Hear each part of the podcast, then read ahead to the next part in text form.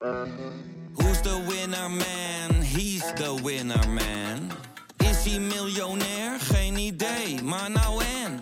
Je hebt geen jackpot nodig to be a winner man. Oh oké, dat is wel lekker man.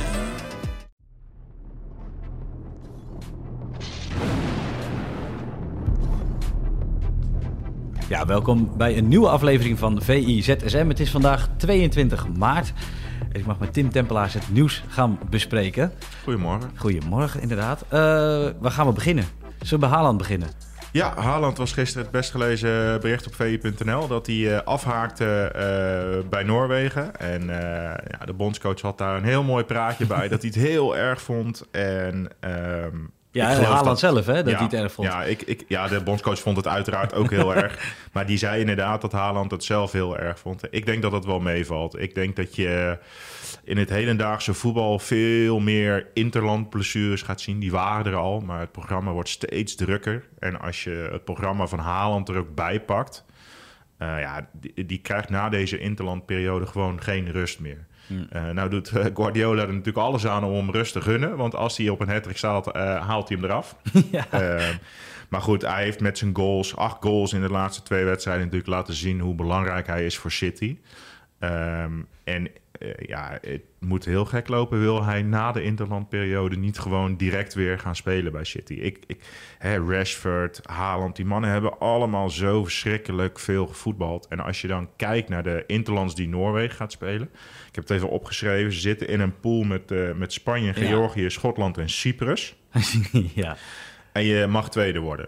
En ze moeten nu naar Spanje uit en Georgië uit. Nou, Noorwegen heeft tegenwoordig genoeg kwaliteit over om bij Georgië te winnen. En als je dan bij Spanje verliest, de gedoodverfde nummer 1 in die pool, ja, dan, dan valt het wel mee, de ja. gevolgen. En ja. uh, in de volgende interlandperiode treffen ze Schotland en Cyprus thuis. Ik denk dat die in juni gewoon van de partij is. En uh, ja, ik denk dat je dit veel vaker gaat zien in het, uh, in het internationale voetbal. Dat de, de spelers die het drukst belast worden en die het belangrijkst voor hun club zijn, um, intern bij die club wel eens krijgen te horen van joh, het is goed zo. Uh... Je voelt wat. nou, weet je wat? Ja, het is zijn eerste liesblessure, zeg ik ook. En, uh, en, en Haaland is... Maar het is wel een fitte man. Want het, als hij een blessure heeft, ligt hij er niet heel lang uit. Nee, ja, het is een soort... Het is een soort ja, machine. Ja, ja het, als je dat ziet gaan sprinten met die kolossale, kolossale spits... en hij is ook nog verschrikkelijk snel... Ja, kijk die laatste wedstrijd maar terug. Volgens mij uh, is het niet zo dat hij uh, ergens stond te piepen van... Uh, ik heb ergens last van. Volgens mij heeft, heeft Guardiola hem er gewoon weer uitgehaald... omdat hij dacht van nou, het is wel binnen zo. Hij heeft drie keer gescoord. Hm. Voorzichtig zijn. En ik denk dat je ook in die hoedanigheid deze afmelding moet zien. En... Um, ja, je mag niet zeggen, maar ergens snap ik dat wel. Er komen nog hele belangrijke maanden aan voor City in de titelstrijd, in de Champions League. Ja, Bayern München, Liverpool. Dus dat, is, uh, dat zijn leuke potjes. Ja, en de bondscoach van uh, Georgië zal wel een, uh, een vreugde... Ik ben ja. zijn naam even kwijt. Ja, en de maar die zal wel een, ik denk dat de verdedigers ook wel, wel blij zijn. En ik denk zelfs dat het voor Spanje wel gaat. Ja, de Lovente die, die kan ook wel een fijne start gebruiken. Ja. Maar als het zonder Haaland is, is dat natuurlijk top. Oké, okay, nou ja, geen Haaland dus in de... Maar ja, eigenlijk de Nederlands of de, de, de voetbalfan verdient wel Noorwegen op het EK, toch? Want het zou het zonde zijn nou, als we weer een toernooi kijk, moeten ze missen. Ze hebben volgens mij uh, uit mijn hoofd sinds 2000 geen eindtoernooi meer gehaald. Ja. En, en er is daar natuurlijk van alles aan de hand met een, een, een ja, soort lichting, een gouden lichting kan je het bijna noemen. Alleen die moeten nu wel die jaar gaan bekronen met een eindtoernooi. Hè. Eudegaard, Haaland, die, die, horen op een eindtoernooi. Die, die wil je daar zien. En zeker Haaland. zeker Haaland. Dus ik heb er ook wel vertrouwen in, kijkend naar deze pool, dat dat wel goed komt. Ja. Nou, dan gaan we naar het uh, volgende rubriek. Tenminste, item over uh, AS Roma. Ja. Uh, Tom Knipping heeft in Munten en Punten een, een, artikel geschreven over de financiële situatie ja. bij AS Roma. Ik was wel een beetje verrast eigenlijk. Ik wist niet dat het zo erg was. Het, het is bijna niet te geloven als ja. je het leest. Uh, ik zou echt iedereen aanraden, uh, zeker ook met het oog op het duel met Feyenoord, ja. ga het lezen. Want wat daar gebeurt, ik, zal, ik heb het even opgeschreven, want ik weet het ook niet uit mijn hoofd. Uh, ze hebben in het vorige uh, seizoen 21-22 hebben ze 220 miljoen verlies geleden. Het jaar daarvoor 185. Het jaar daarvoor 204. Dat is dus over de laatste drie jaar ruim 600 miljoen. Ja. Alleen PSG maakt het bonter.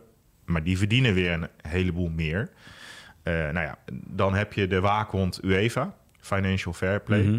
Ja, dat is niet meer dan een, eh, een, een soort piepende hamster. Want eh, die, die hebben 5 miljoen boete opgelegd met een voorwaardelijk deel van 30 miljoen. Ja, Dat is de straf.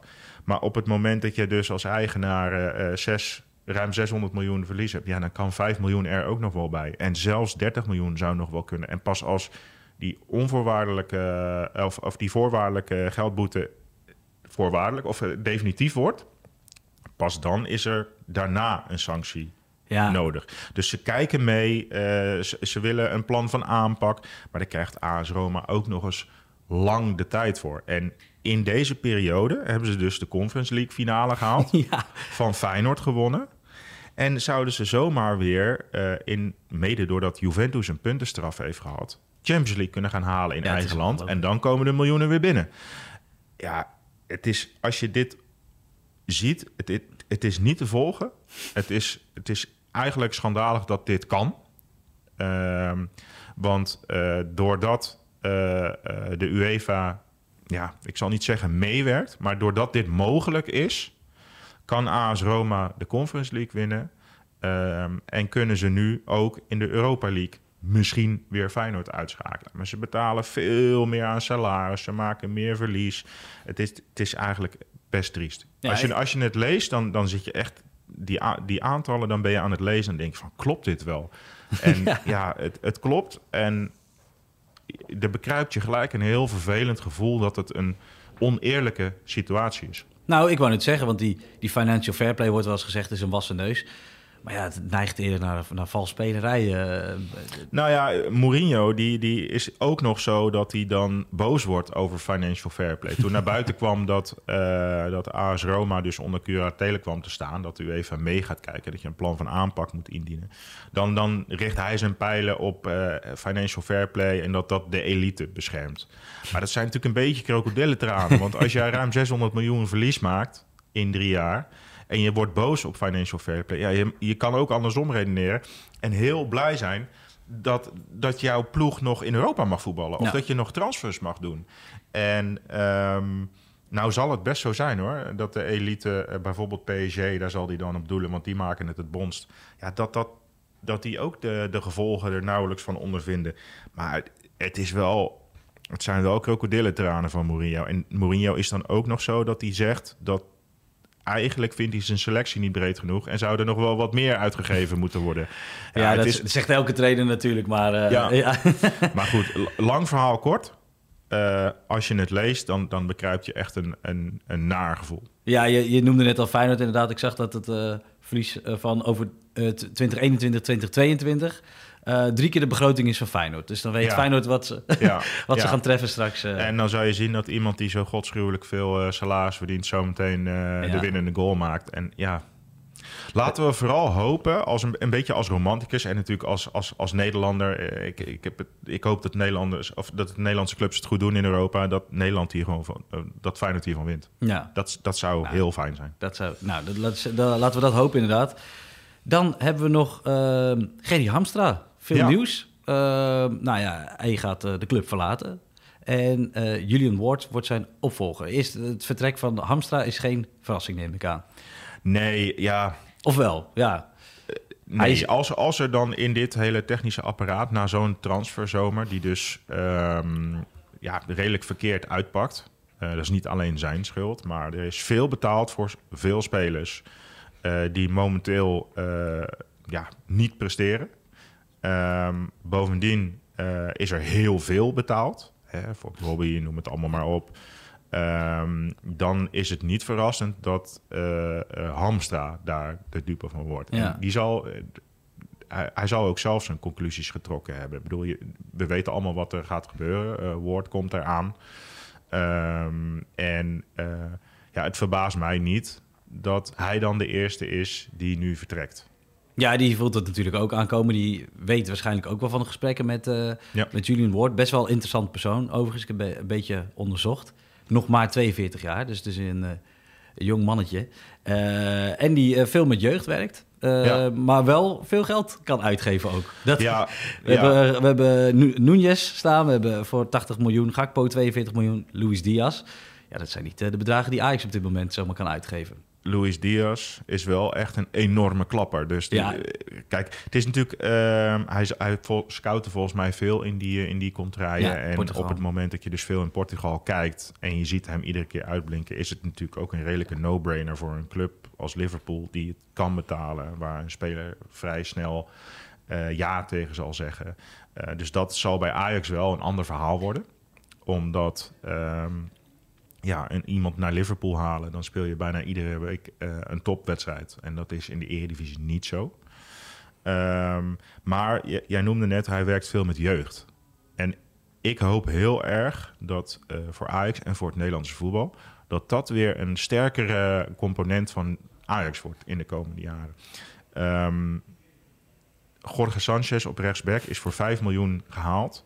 Dat vind ik symbool staan voor... Uh, wat er misgaat. Ik snap dat je af en toe uh, extra kwaliteit aan je selectie moet toevoegen. Alvarez heeft dat, uh, Lisandro Martinez had dat. En ik denk dat in die trant deze jongen is gehaald.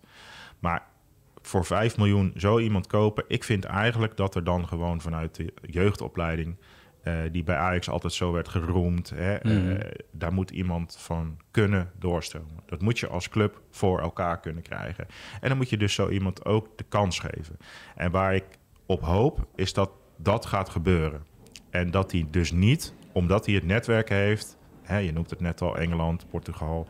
dat we nog meer uh, van dit soort spelers gaan halen bij de Nederlandse clubs... Um, want ik vind dat het opleiden en het kansen geven aan talenten wel heel erg belangrijk is. Ook voor Ajax, ook voor Nederlandse clubs. En niet zozeer dat je dan je hele elftal daarop moet baseren, maar je moet ze uh, wel de kans kunnen geven. En uh, ja, nogmaals, Sanchez vind ik symbool staan voor wat er dan fout gaat. Ja, dat is inderdaad ja, dat is een understatement. Want als je die man ziet voetballen, denkt eigenlijk iedereen... Uh uh, nou, je ziet zonder bal wel dat hij af en toe een beetje een tackle in huis heeft. Uh, hè? Maar hij heeft nog geen goede pot gespeeld. Tenminste, ik, kan, ik kan hem er niet heugen. Nee, en zeker niet als je weet dat je in de Eredivisie bij Ajax speelt. Ja, dan heb je voortdurend de bal als rechtsback. Mm. Dan moet je belangrijk zijn in de opbouw. Dan moet je daarin een rol vervullen. Nou, dat kan die niet. En uh, ja, ik hoop dus dat Woord, als die voor Ajax gaat werken, ook snapt wat de Eredivisie inhoudt. Ja, want dat was inderdaad mijn vraag. Want hij heeft uh, gewerkt met Michael Edwards, die eigenlijk mm -hmm. ja, mhm. symbool staat voor het, het, nieuwe Liverpool, het succesvolle Liverpool. Ik las ook dat, dat, dat, ze niet per se, eh, of dat ze best wel close waren. De eerste kampioenschap hebben ze samen gevierd, ja. uh, Ward en Edwards. Dus hij, hij, heeft echt goed kunnen afkijken. Maar ja, het is een hele andere competitie. Denk je dat het een nadeel is dat er een nou, ik, ik, ik, ik, hoop dat hij uh, beseft dat de Premier League een wereld apart is. Ja. Daar wordt zo verschrikkelijk veel geld betaald. Daar hm. zitten uh, spelers van 40, 50 miljoen op de bank en blijven op de bank zitten. Uh, eh, 40 miljoen is daar een fooitje. En ja. Ja, dat is in, in Nederland is dat heel anders. En in de Eredivisie is dat heel anders. En in, in de Eredivisie heb je een paar wedstrijden waarin Ajax echt aan de bak moet. En normaal gesproken, met alle respect naar alle andere clubs, moeten ze de rest winnen. En dat doet wat met spelers, dat doet wat met een trainer, dat doet wat met een club. Het is een hele andere dynamiek. Voor Ajax, dat ook leunt op spelers verkopen, is het wel fijn dat er iemand komt te zitten die ook een goed netwerk heeft in Engeland. Ja. Uh, Timber, Kudus, Alvarez. Ik denk dat ik geen gekke dingen zeg als die ooit een keer voor veel geld verkocht gaan worden. Ja. En ja, wat dat betreft zou het positief kunnen werken. Al moet hij wel het onderste uit de kan halen. Ja, hij kan goed verkopen. Hij heeft de jonge spelers van Liverpool ook voor veel geld verkocht. Harry Wilson, Ryan Bruce, misschien niet de namen die bij ons... Uh... Ja, maar die ging wel voor een hoop geld. Ja, die gingen inderdaad voor een hele hoop geld weg. Dus verkopen kan die. Dus wat dat betreft zit... Ja, uh... nou, dat, is dan, dat is dan een belangrijk uh, onderdeel. Maar nogmaals, belangrijker vind ik... en ik denk dat Ajax daar ook echt naartoe moet... dat je kwaliteit moet bijkopen... als je dus echt wat mist in je selectie... maar dat je het nog beter als Ajax zijn dan moet gaan combineren met eigen jeugd en uh, spelers de kans geven. Neem Timber als voorbeeld. Ja. Ja, en dan nog uh, interlandweken. Het is bijna zover Frankrijk. Heb je er een beetje zin in? Ben jij van, de in, van het interlandvoetbal? Nou, um, Kijk, ik vind het altijd... De, de afwisseling vind ik wel interessant. Ja. Want uh, er gaat nu een heel uh, kwalificatiecyclus gaat er beginnen. Nou, het, tegenwoordig moet je een soort wiskundige zijn om het allemaal te snappen. We hebben overigens vandaag op de site hebben we dat helemaal uitgelegd. Hoe het voor Oranje zit met Nations League als vangnet, met play-offs, noem het allemaal maar op. Dat vind ik interessant om, om ook de grote landen te zien. Want er is bij een hoop grote landen is er echt wel wat aan, aan de hand. Mm. Italië heeft een heel groot probleem. Uh, België nieuwe start. Nou, Oranje nieuwe start met Koeman. Dus die dynamiek vind ik wel uh, interessant. En ik weet dat het niet kan qua agenda, maar die tussenliggende dagen, dat vind ik altijd wel wat lang duren. Ja. Voordat we echt gaan voetballen, eh, dat duurt nog wel even. En ja, vervolgens krijg je daarna ook weer wat van die tussenliggende dagen, waardoor zo'n interlandperiode wel erg lang duurt. Maar uh, ook vanuit hè, wat ik hier doe bij Voetbal International, vind ik de hele dynamiek rond het nieuwe Oranje. Uh, wie gaat hij kiezen? Wat gaat Koeman doen? Wat zegt hij? Ik vond bijvoorbeeld zijn persconferentie echt interessant. Er zat, mm. zaten een heleboel dingen in, een heleboel haakjes. Uh, voor, voor wat we de komende uh, maanden slash jaren gaan zien. En dat vind ik interessant. Maar twee weken vind ik wel. Ja. ik vind het wel lang. Voor de voetballiefhebber. Nou ja, tussendoor schrijven we prachtige artikelen en alles uh, is allemaal te volgen op uh, Voetbal International. Ik, ja. uh, dat was hem, denk ik, hè? Ja. Ik ga je bedanken en ik zou zeggen tot de volgende VI-ZSM. Jo. Wil jij genieten van de beste VI Pro-artikelen, video's en podcast? En wil jij nog meer inzichten krijgen rond al het voetbalnieuws? Word dan nu lid van VI Pro. Voor exclusieve podcasts, tactische analyses, interviews met spelers en financiële inzichten. Ga nu naar vi.nl slash zsmpro voor de scherpste aanbieding.